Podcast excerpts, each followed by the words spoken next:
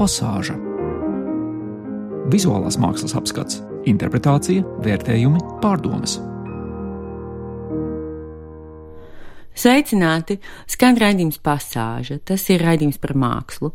Studijās mēs ievēlējas meire. Ziniet, visā tā ir darba dunā uz vīni, tā arī neaizbrauc, pat uz Daugavpili neaizbrauc, bet pa ceļam uz darbu iegāju kādā vecrīgas kafejnīcā paņemt kafiju un iet tālāk uzreiz, bet iznāca mazliet citādi. Jau ieejot iekšā, likās, ka kaut kas ir dīvaini, neierasti. Cilvēki daudz un lielākoties gados vecāki tādi saposušies dzer kafiju un 50 gramus balzāmu.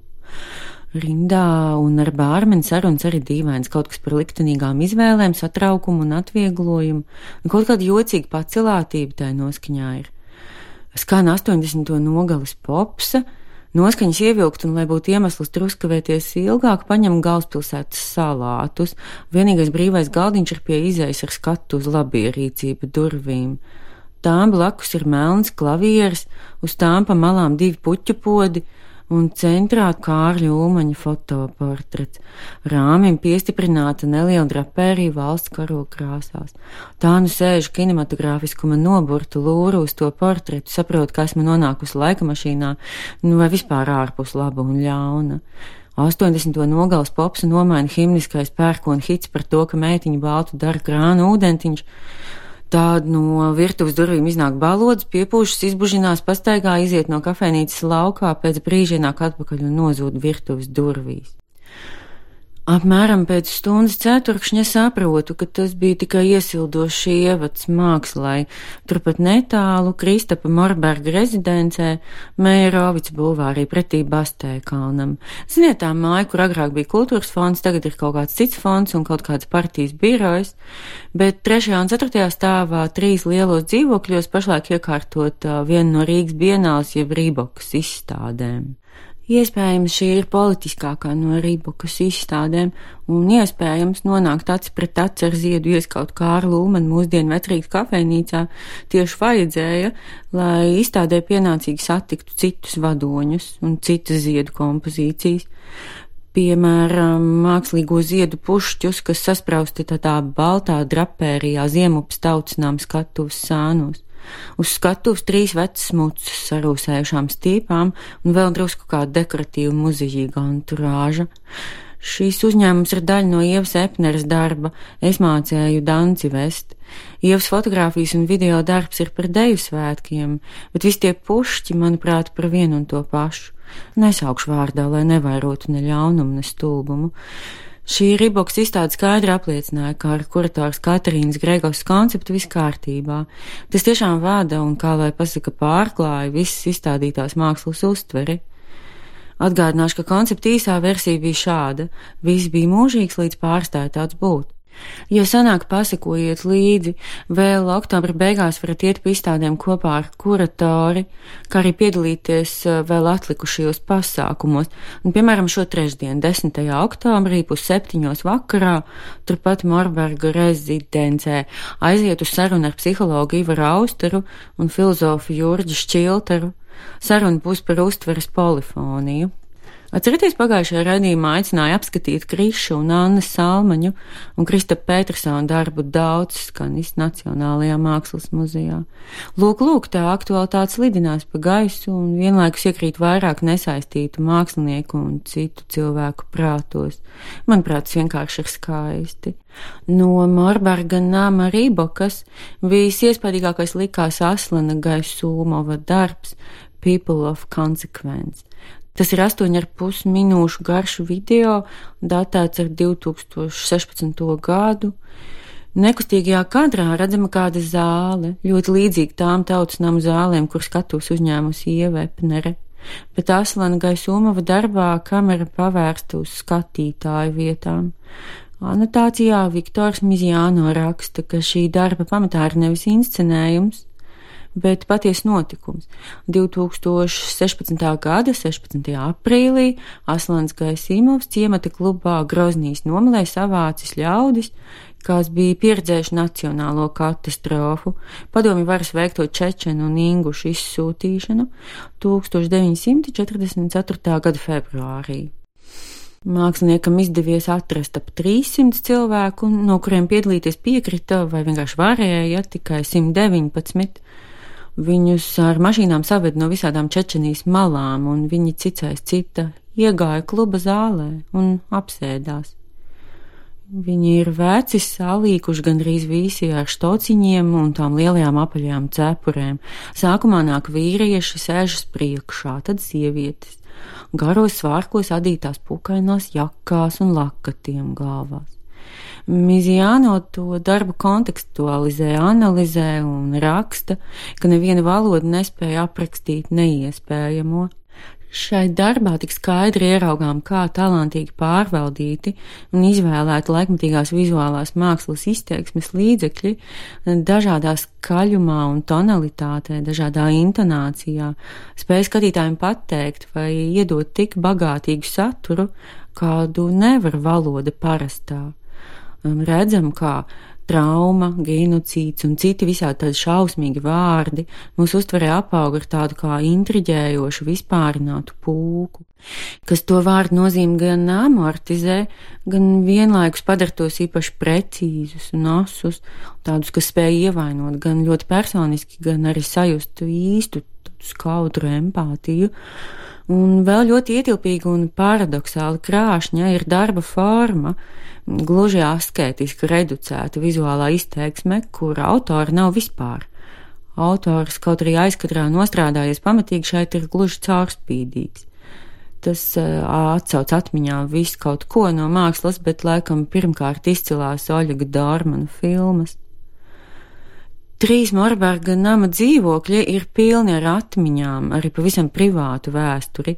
Piemēram, Kristapa Epnera darba pamatā ir nesen atrastās tēva draugu vēstules, bet Natkal Solakovs dokumentējas ceļojumu no Sofijas līdz Rīgai šī gada maijā. Tad ir arī atmiņas, kuras mākslinieki konstruējuši, arhivējuši, visādi vairāk un mazāk šarmanti un skaudri stāsti, piemēram, par VDK ēkām, par eiro remontu. Daudz darbu izstādē ir gruzīgi un plosīgi, bet nu viena dzīvokļa buduārā ar vienkārši neticamu dušas telpu viss atzīst.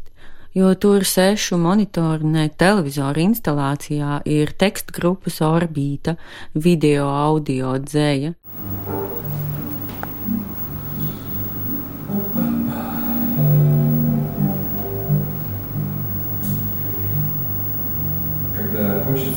Джаз, спички, портреты Мерлин Монро, синие маленькие гоночные машины, лето, школа, любовь. Когда пройдет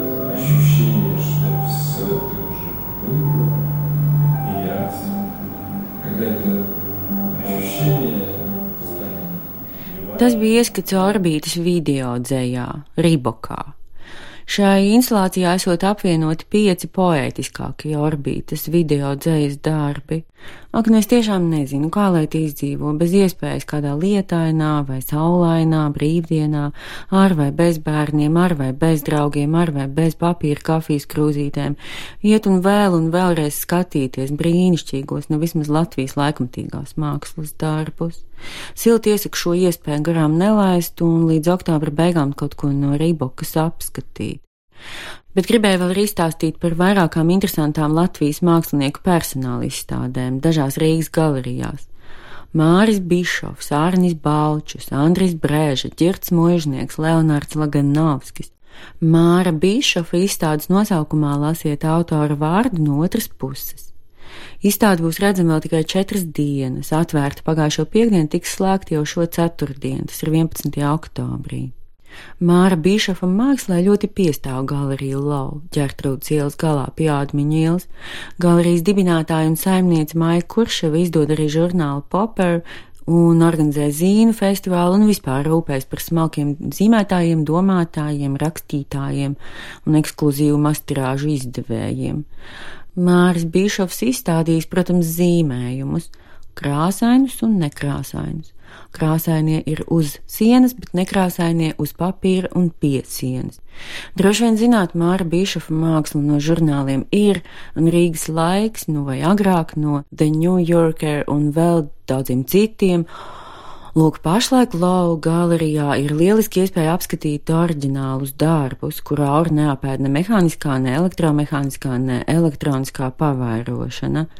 Bīšofa zīmējums ierasts saukt par ironiskiem, bet, ziniet, drīzāk to saturs ir balstīts uz tādiem delikātiem paradoksiem, gan verbāliem, gan vizuāliem lielā krāsainā sienas zīmējuma, nu vai gleznojuma gal galā, nosaukums ir absolūti nelegālā ēnas puse.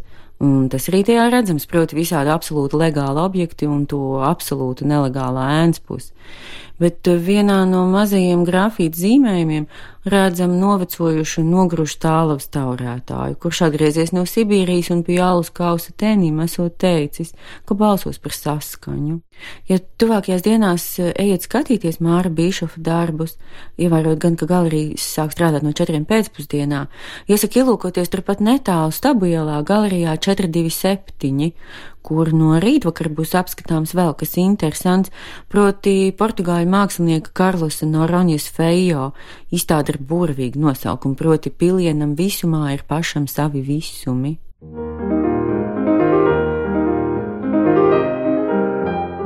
Pasāža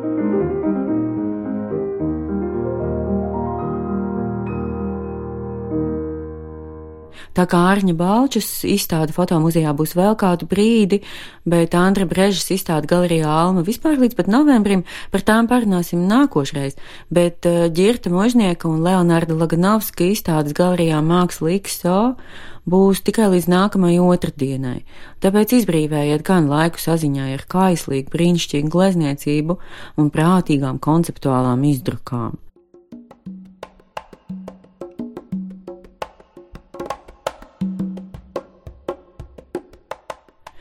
Leonārds Laganovskis izstādījis savu zvaigžņu stāvokļu sēriju. Nu, jūs jau zināt, mēs esam apakšā, rosāmies, fanojam par slavenībām, iebrienam līdz potītēm jūrā, visu, ko pamanām un nepamanām, noklausāmies svešas rupjas sarunas, citējam tās mākslā, bet viņas zvaigznes ir augšā, abstrahējas. Bet eh, ģirta mūžnieka gleznas šoreiz pārsteidza. Tiešām es tikai sirsnīgi lūgtu galeriju neatskaņot to žēlīgo blūzu, džezu vai kas nu tas tur bija, kaut kāds tāls Parīzes rādio. Manuprāt, šais gleznās nav nekādas gaudanas dekadences. Nejauki vēsi baltais, ka tāda bojāta dienas gaismas spuldze miģinās, plosās ar visādām negantām formām.